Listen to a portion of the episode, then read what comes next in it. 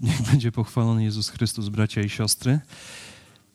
Tak, e, nie ukrywam, że dzisiejsze kazanie nie będzie należało do e, tych łatwych, e, a mianowicie połączymy prawdopodobnie dwa dosyć, dwa tematy, które czasami ciężko nam sobie wyobrazić, żeby ze sobą jakoś zgodnie się łączyły, bo poruszymy temat Boga i polity, polityki w jednym. E, ale żeby tak zacząć troszeczkę nie z, grubej rury, e, to osobiście powiem, że moim ulubionym politykiem, albo jednym z bardziej ulubionych polityków, którego e, działalność w historii sobie badałem przez bardzo długi czas, jest Ronald Reagan. To jest jeden, chyba najlepszy prezydent Stanów Zjednoczonych, jeżeli nie jeden no, jeden z najlepszych, jeżeli nie najlepszy prezydent Stanów Zjednoczonych, e, z jakim miałem do czynienia. Jest to człowiek, który rzeczywiście w swoich czasach, ale w historii w ogóle, jeżeli chodzi o władzę, bardzo się wyróżniał. To był polityk skuteczny. E, to była osoba, która przede wszystkim doprowadziła do tego, że upadł Związek Radziecki, bardzo mocno się do tego przyczynił. Był to też człowiek wyjątkowo pobożny, nawet jak na prezydenta czy w ogóle jakiegokolwiek władcę e, w historii. E, I za to go po prostu ludzie uwielbiali, za to, że właśnie miał takie, że traktował Boga poważnie, że jeżeli podejmował się jakichś działań, to je wykonywał, wykonywał skutecznie, ale też nie ukrywajmy, ludzie uwielbiają go za jego żarty, za jego dowcipy, którymi lubił sypać e, przy każdej możliwej okazji. I żeby wprowadzić do, do tematu, postanowiłem, że jeden z takich dowcipów usłyszycie. Więc mamy taką sytuację. Do nieba trafiają pastor i polityk. E, przychodzą przed świętego Piotra. Święty Piotr ich przyjmuje, sporządza dokumentację odpowiednią i w pewnym momencie mówi: Dobrze, panowie, to teraz pokażę wam wasze kwatery w niebie. Więc idą. I święty Piotr otwiera drzwi, i w środku ukazuje się taka mały pokoik z małym okienkiem. Obok tego okienka jest takie dosyć wąskie łóżko. Obok tego łóżka jest krzesło i taki mały stoliczek, powiedzmy na jedną osobę, taki trochę szkolny. I święty Piotr mówi: To są nasze kwatery dla duchownych. Pastor tam wchodzi, a polityk zaczyna się martwić. Się zaczyna zastanawiać, że tutaj duchowny dostaje coś takiego, to co on dostanie, prawda?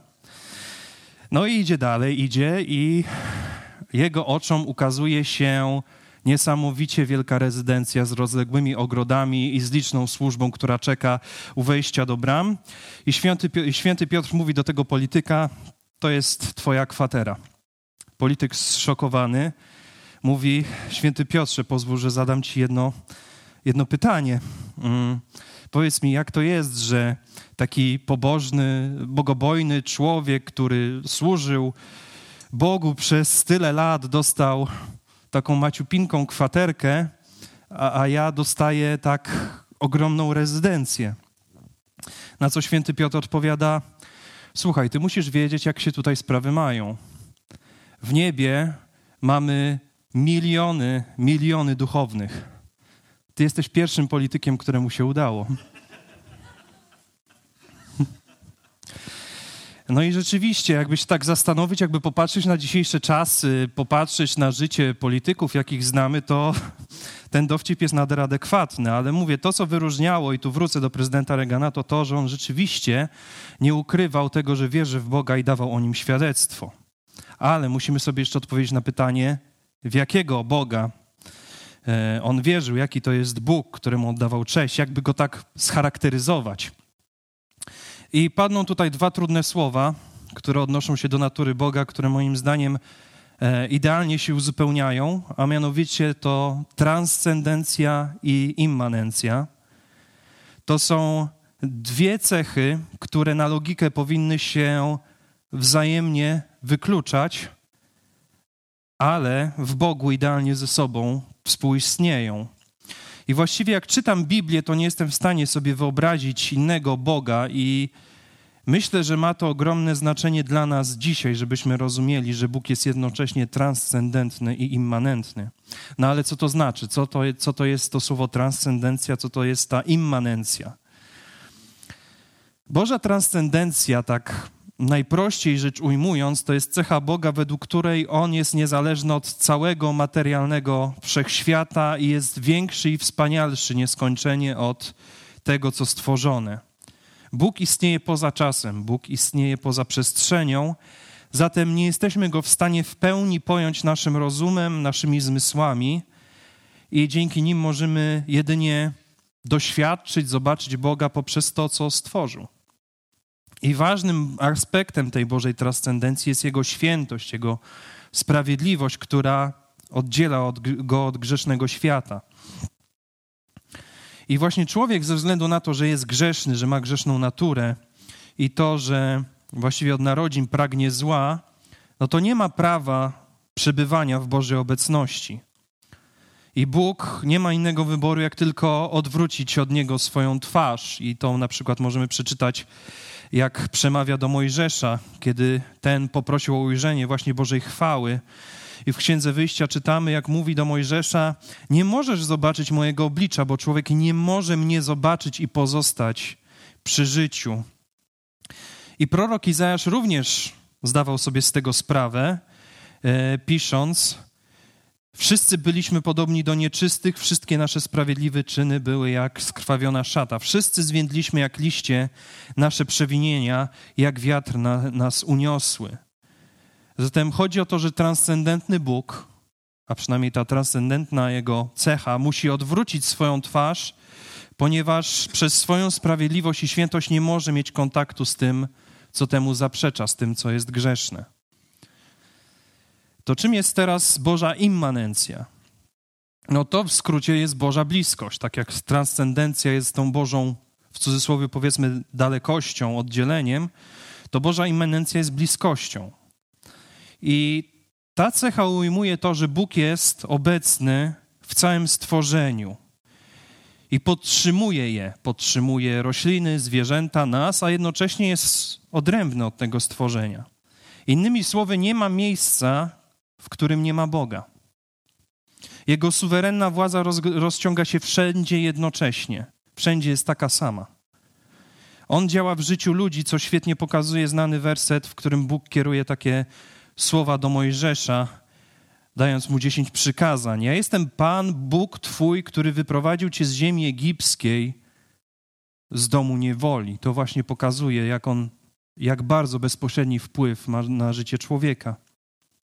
I myślę, że zrozumienie współistnienia transcendencji, immanencji ma kluczowe znaczenie dla zrozumienia, kim jest Bóg i jaki On jest, ponieważ to, w jakiego Boga wierzymy, wpływa na to, czy Go uwielbiamy, jak Go uwielbiamy, a także jaki ma to wpływ na nasze otoczenie. I uważam, że dzisiejszy fragment bardzo mocno te kwestie podkreśla. Zapraszam do otworzenia Psalmu 130 ósmego. Psalm 138 i czytamy takie słowa. Będę Cię wysławiał z całego serca. Będę Ci śpiewał wobec bogów. Pokłonię się w Twojej świętej świątyni, będę wysławiał Twoje imię za Twoją łaskę i wierność. Wywyższyłeś bowiem ponad wszystko swoje imię i słowo. Kiedy wzywałem Ciebie, Ty mnie wysłuchałeś, napełniłeś mocą moją duszę. Wszyscy królowie ziemi będą Ciebie, Panie, wysławiać, gdy usłyszą słowa ust Twoich. Będą opiewywać drogi Pana, bo wielka jest chwała Pana. Chociaż Pan jest wywyższony, widzi uniżonego i pysznego, rozpoznaje z daleka. Choćbym chodził wśród utrapienia, Ty mnie zachowasz przy życiu. Na przekór złości moich wrogów wyciągniesz swoją rękę, wybawisz mnie swoją prawicą. Pan dokona tego dla mnie. Panie, Twoja łaska trwa na wieki. Nie porzucaj dzieła rąk swoich. I pierwszą rzecz, którą myślę, na którą myślę warto zwrócić uwagę, jest to, że autorem tego psalmu jest Dawid. I Dawid, który jest już królem, bo odnosi się do innych królów jako do równych sobie. I całość psalmu możemy podzielić na trzy części. Pierwsza to wersety od 1 do 3, gdzie e, zobowiązuje się do uwielbiania Boga, jednocześnie opisuje w sposób, w jaki to będzie robił. I tutaj wspomina o Bożej odpowiedzi na modlitwę, co jest powodem do radości, ale nie wiemy do końca, czego ta modlitwa dotyczyła. Dalej mamy kolejną część, czyli wersety od 4 do 6, i tutaj mamy obszerną deklarację tego, jaka powinna być postawa władców ziemi wobec Pana. I ostatnia część to wersety 7 i 8, stanowiące swego rodzaju klamrę, w których psalmista ponownie uwielbia Pana, wyrażając pełne zaufanie i wdzięczność za to, co dotychczas, co dotychczas e, otrzymał, a całość jest zakończona hmm, dosyć ciekawą prośbą. Więc przyjrzyjmy się tej pierwszej części, czyli wersetom od 1 do, do 3. I w pierwszym wersecie pojawia się słowo, które jest motywem przewodnim całego psalmu. Słowo wysławiać, uwielbiać. Dawid zobowiązuje się do tego, że będzie wysławiał Pana. No ale co to znaczy, że będzie wysławiał Pana i że będzie to robił z całego serca? I najlepszym miejscem czy fragmentem, do którego powinniśmy sięgnąć, jest hebrajskie Szema, czyli wyznanie wiary z szóstego rozdziału Księgi Powtórzonego Prawa, gdzie czytamy: Słuchaj Izraelu, Pan jest naszym Bogiem, Pan jedyny, będziesz miłował Pana Twego Boga z całego swego serca, z całej swojej duszy i z całej swojej siły. I Dawid, ujmując oddawanie czci w ten sposób, ma tu na myśli to, że będzie uwielbiał Boga nie tylko słowem, ale i czynem. Ponieważ psalm mówi tutaj o całościowym, holistycznym działaniu człowieka w uwielbieniu. Ale okazuje się, że nie tylko człowieka, że nie tylko człowiek ma być zaangażowany w to uwielbienie. Ponieważ w pierwszym, w pierwszym wersecie mamy wzmiankę o bogach. I co to są za bogowie? W starożytnym Izraelu wierzono, że są inni bogowie poza Jahwe. I byli oni pisani przez małe b, a Bóg Jahwe był pisany przez duże b. I w myśl autorów Starego Testamentu ci, ci mali, ci mniejsi bogowie byli uważani za byty duchowe gorsze od Boga. I jest to bardzo ważne, ponieważ Dawid mówi nam, że Pan ma być uwielbiany w niebie, czyli uznawane przez te pomniejsze byty duchowe za jednego prawdziwego Boga, Boga przez wielkie B. I skoro Dawid, który jest królem, oddaje część tylko wo Bogu wobec innych bytów duchowych, to oznacza, że jako przedstawiciel najwyższej władzy ziemskiej pokazuje, kto jest prawdziwym Panem wszystkiego, kto jest prawdziwym Panem w świecie duchowym. I to, że Dawid zobowiązuje się do wysławiania Pana w świątyni, bo mamy o tym powiedziane, też ma znaczenie. No bo czym jest świątynia? Król oddaje Panu pokłon w jego domu na ziemi, w domu Boga na ziemi, w miejscu, gdzie poprzez obecność Boga świat duchowy łączy się ze światem ziemskim. Świątynia też jest rozumiana jako obraz świętości, majestatu Boga w niebie. Zatem, jeżeli król zobowiązuje się do tego, że wejdzie do świątyni i będzie w niej wysławiał Boga, to tak samo, jakby rzeczywiście poszedł do nieba, stanął przed Bożym majestatem i wobec wszystkich bytów duchowych, jakie są, wysławiał wyłącznie Boga, mówił im: To jest jedyny prawdziwy Pan. I jeszcze bardziej podkreśla to, że Panu i tylko Panu należy się prawdziwa cześć i chwała. Mało tego, pisze, że wysławiając Pana w świątyni, będzie to robił kłaniając się Mu, co jeszcze bardziej podkreśla Jego pokorę i uniżenie, która to pokora i uniżenie później zostaną przez Boga dostrzeżone. Ale co sprawiło, że Dawid w ogóle wysławia Pana? E, nie wiemy. Nie wiemy, jaka padła tam prośba. On w swoich słowach skupia się niemal wyłącznie na e, rezultacie. e, na rezultacie jego modlitw do Pana. I wiemy na pewno, że przez to, co się wydarzyło, Pan został wywyższony ponad tych innych bogów. Pan jest idealnie łaskawy i, i wierny. I to, że Pan jest idealnie łaskawy i wierny, to są dwie cechy, które zostały objawione na górze Syna i Mojżeszowi. Tutaj mamy znowu powrót do e, Księgi Wyjścia, do Tory. I czytamy tam w, właśnie w Księdze Wyjścia: Pan, Pan, Bóg miłosierny i łaskawy, nieskory do gniewu, bogaty w łaskę i prawdę. To, że nie wiemy dlaczego konkretnie Dawid jest wdzięczny Panu, nie przeszkadza nam tak naprawdę w rozumieniu, jakie jest przesłanie tego tekstu. Mało tego, to, że nie wiemy, pomaga nam zrozumieć albo bardziej utożsamić się z Dawidem, ponieważ my sami mamy cały ogrom próśb, które kierujemy do Boga i ciężko by było jakąś szczególną wyróżnić. I w trzecim wersecie czytamy, że to najpierw Dawid wzywał Pana. Pan wysłuchał jego modlitwy i odpowiedział na nią. I tą odpowiedzią było to, że dokonał zmiany w jego życiu i napełnił go mocą, czy też dał mu odwagę. I myślę, że należy to zrozumieć jako odwaga i moc do dalszego wychwalania Pana słowem i czynem, dlatego że nie została ona skonkretyzowana. Więc w jakichkolwiek problemach, czy jakąkolwiek prośbę miał Dawid, Pan spełnił tę prośbę, co sprawiło, że jeszcze dodał mu odwagi i mocy do tego, by dalej wychwalał Pana słowem i czynem. I mamy drugą część, czyli wersety od czwartego do szóstego. I czytamy, jak władze w niebie wychwalają Pana, tak i władze na ziemi niech tak czynią. Ciekawe słowa. Czytamy, że wszyscy królowie, i mówimy tutaj już o ziemskich królach, będą wysławiać Pana, kiedy dowiedzą się, jak On błogosławił swojemu słudze Dawidowi. I w pewnym sensie sugeruje to, że nie wystarczy, by tak wielki, tak wspaniały Bóg był uwielbiany tylko przez jednego króla, czy przez cały naród, ale również przez wszystkich królów, wszystkie królestwa, wszystkie narody, jakie istnieją. I co ciekawe, to to, że tylko w tym psalmie władcy ziemscy są personalnie wzywani do oddawania czci Bogu. Tylko w tym psalmie. W innych psalmach, co prawda, pojawiają się narody w kontekście uwielbienia Boga.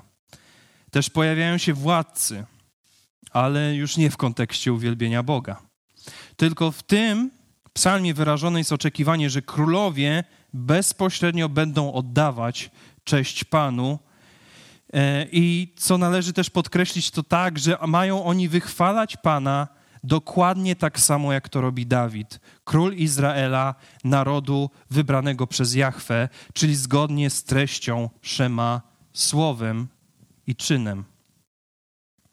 I jest to ciekawe, ponieważ w poprzednich psalmach królowie są przedstawiani jako negatywny przykład tych, którzy buntują się przeciwko Bogu i przeciwko Jego narodowi. Psalm drugi, werset drugi Królowie ziemi powstają, a możni razem spiskują przeciw Panu i Jego pomazańcowi. I takich przykładów jest oczywiście troszeczkę więcej, ale to, co właśnie jest unikalne, to to, że ten psalm jest tak naprawdę wezwaniem do nawrócenia całego świata. Od przedstawicieli władzy zaczynając. I kolejny werset stanowi uzupełnienie tej myśli. Po pierwsze, dodaje do tego ustnego uwielbienia śpiew. Śpiew to jest w Starym Testamencie najbardziej uroczysty sposób oddania chwały, i ten śpiew angażuje nie tylko króla, jeżeli wrócimy do czasów świątyni i do uwielbienia w świątyni, to on nie angażował tylko króla, ale był tam cały sztab muzyków, śpiewaków, kapłanów i lud który był cały zebrany, poddany właśnie temu, temu władcy. I znowu, nie dotyczy to wyłącznie słów, to uwielbienie, ale i czynów. Czyli król ma być tym, który poprzez własne oddawanie czci Bogu pociągnie za sobą cały naród. I oddawanie czci Panu ma wpływać wyłącznie z tego, kim On jest. Jakby to, że oddajemy Bogu chwałę, wynika tylko i wyłącznie z tego, kim On jest. A kim jest? Jest jedynym prawdziwym Bogiem, który odpowiada na modlitwy w taki sposób, który Jego samego wywyższa. I werset szósty mówi o tym, że choć Pan znajduje się na wysokościach, jest święty, jest wielki i wspaniały, co było właściwie dotychczas cały czas podkreślane, to nie jest on oderwany od człowieka i jego potrzeb. I nie jest to jakaś nowa idea w Piśmie Świętym, która pojawia się dopiero teraz. W samym życiu Dawida, który jest autorem psalmu, Pan interweniował wielokrotnie i wieloma sposobami. Walka z Goliatem. E, mamy liczne potyczki z Amalekitami, z Aramejczykami, z Filistynami, ucieczka przed Saulem i wiele, wiele, wiele innych e, sytuacji. I ponieważ Pan jest na wysokościach, to widzi z daleka zarówno pokornego, jak i pysznego. Czyli Pan jest opisany jako ten, który jest poza zasięgiem człowieka, poza zasięgiem zmysłów, ale nie przeszkadza mu to, żeby zbadać czyjąś duszę, żeby wejść w najgłębsze zakamarki czyjejś duszy. I jest to moim zdaniem pocieszające dla tych władców, którzy są rzeczywiście pokorni, uniżeni przed nim, jak samego siebie przedstawia Dawid, ale to stanowi też przestrogę dla tych władców, którzy są pyszni i, so, i nie chcą uznać wyższości Pana nad nimi. Ale te słowa to jest również wzór idealnego władcy, bo też o tym cały czas mowa. To jest władca, który nie tylko siedzi na swoim tronie, w swoim pałacu, cieszy się swoją pozycją, prestiżem, autorytetem, ale widzi właśnie też tych pokornych, będących w potrzebie. Jest władcą, który wspiera i nagradza tych, którzy są wobec niego lojalni, ale także każe tych, którzy się przeciw niemu buntują, właśnie ku przestrodze dla innych. Zatem Bóg poprzez swoje postępowanie pokazuje, jaki ma być idealny władca i do, do czego Dawid ma, ma dążyć, co ma sobą odzwierciedlać, a za Dawidem ma iść cała reszta. I mamy ostatnią część, wersety 7 i 8. I czytamy słowa: Ufam Panu, on dowiódł swojej dobroci wobec mnie i mnie nie porzuci. Werset siódmy zaczyna się deklaracją zaufania dla Pana odnośnie przyszłości. Jednocześnie Dawid zdaje sobie sprawę, że sam fakt doświadczenia błogosławieństwa od Boga nie oznacza, że, że życie będzie usłane różami, że będzie lekko, łatwo i przyjemnie. Ludzie wierni Panu nie są wolni od problemów. Bóg nam nigdy tego nie obiecał. Zdarzają się przypadki, gdzie może być inaczej, ale też pamiętajmy, że ludzie wierni Panu nie są cały czas przytłoczeni problemami, choć też bywają e, i wyjątki, ale to są wyjątki, które potwierdzają regułę. I czytamy o tym, że Dawid chodzi wśród utrapień. I chodzenie wśród utrapień to jest tak naprawdę obraz wojenny. Obraz wojenny, w którym to utrapienia y, są wrogami, wrogami w tym, w tym sensie, którzy dążą do zwycięstwa nad kimś. I przebywanie wśród wrogów, niezależnie od okoliczności, no zawsze wiąże się z ryzykiem śmierci, to dosyć sporym ryzykiem śmierci. Ale Dawid wcześniej podkreślił, że Pan go już przynajmniej raz ocalił, ale jeżeli jest królem, to podejrzewam, że tych sytuacji było więcej niż raz, niż dziesięć albo nawet dwadzieścia. I to oznacza, że Dawid, nauczony poprzednimi doświadczeniami, jest przekonanym o tym, że Pan go uratuje i w pełni mu ufa, nawet gdyby przyszło mu zmierzyć się z sytuacjami zagrożenia życia. I że Pan na przekór złym zamiarom swoich wrogów wyciągnie swoją prawą rękę, czyli oznacza, że zainterweniuje bezpośrednio po to, by go uratować i pokonać jego wrogów. I Dawid też zdaje sobie sprawę, że no po prostu życie takie jest, że to, jest, że to są niebezpieczeństwa, a wśród tych niebezpieczeństw trzeba ufać Panu. I wie też, że właśnie, że Bóg zawarł przymierze ze swoim ludem, w którym obiecał mu swoją wieczną wierność i miłość, a Pan nigdy nie łamie swoich obietnic, co jest pięknie podsumowane słowami: Twoja łaska trwa na wieki. Ale wiara w miłość i wierność Boga ma się wyrażać w modlitwie. Jest to chyba najkrótsza modlitwa w całej Biblii. Ta modlitwa brzmi: Nie porzucaj dzieła rąk swoich. W języku hebrajskim to są trzy słowa. Nie porzucaj dzieła rąk swoich. Oczywiście psalmista wie, że gdyby Bóg porzucił swój lud, to złamałby obietnicę, ale właśnie, że opisał, jaki to jest Bóg już przez, cał, przez całą resztę psalmu, to to, co tutaj czytamy, to nie jest wyraz wątpliwości, ale to jest właśnie potwierdzenie szczerej ufności, która ma na celu budowanie relacji z Nim. Zatem jaki obraz Boga mamy w tym psalmie? Po pierwsze, to jest Bóg, który jest ponad wszystkimi bogami przez małe b, czyli jest ponad światem duchowym i ponad światem materialnym, a jednocześnie jest pełnoprawnym władcą obu tych światów. On jest jedyny, najwyższy, święty.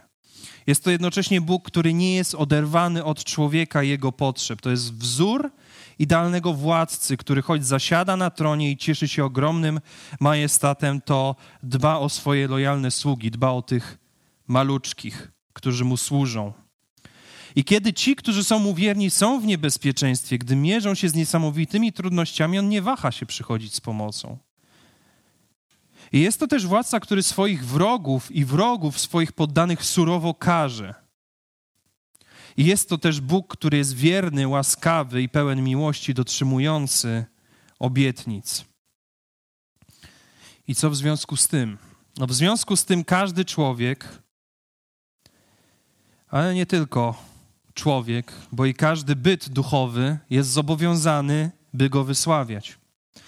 Jest to Bóg, któremu mamy oddawać cześć słowem i czynem, jak mówi przykazanie miłości, które jest podkreślone w słowach naszego Pana Jezusa Chrystusa. I przytoczę tutaj e, jeszcze raz te słowa, tym razem z Ewangelii Marka. Słuchaj Izraelu, Pan, nasz Bóg, jest jedynym Panem. Będziesz miłował Pana, swego Boga, z całego swego serca, z całej swojej duszy, całym swoim umysłem i z całej swojej siły. Mamy też Bogu oddawać cześć w pokorze i uniżeniu, bo niezależnie od tego, jak ważną pozycję zajmujemy w społeczeństwie, w zborze, w rodzinie, to mamy uznawać nieskończoną wyższość Pana nad nami. Mamy ufać Bogu.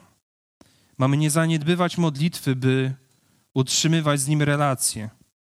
I wierząc w Boże obietnice, wiemy, że one się rzeczywiście spełnią, ale musimy mieć jednocześnie świadomość tego, że świat nie jest idealny, że to jest świat, w którym panuje grzech i cierpienie, z których ostatecznie Pan nas wybawi, kiedy Jego Syn powróci. I często słyszę, że Jezus Chrystus, jako Bóg objawiony w Nowym Testamencie, jest dużo bliższy człowiekowi niż niemal nieosiągalny Bóg Starego Testamentu. Ale ten krótki psalm dowodzi, że to nie jest prawda. Że transcendentna natura Boga rzeczywiście oddziela go od jego stworzenia, zarówno w czasie i przestrzeni, ale z drugiej strony jego immanentna natura działa, by zbliżyć go do swego stworzenia.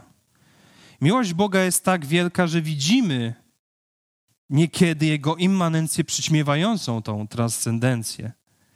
I nigdzie lepiej tego nie widać niż właśnie w Jego wcielonym Synu Jezusie Chrystusie, gdy przełamuje na krzyżu barierę grzechu, aby przyciągnąć całą ludzkość z powrotem do bliskiej i osobistej relacji ze świętym, majestatycznym Bogiem. Widzimy Jezusa Chrystusa, który jako już ten transcendentny ma taką moc, że pokonuje grzech i śmierć.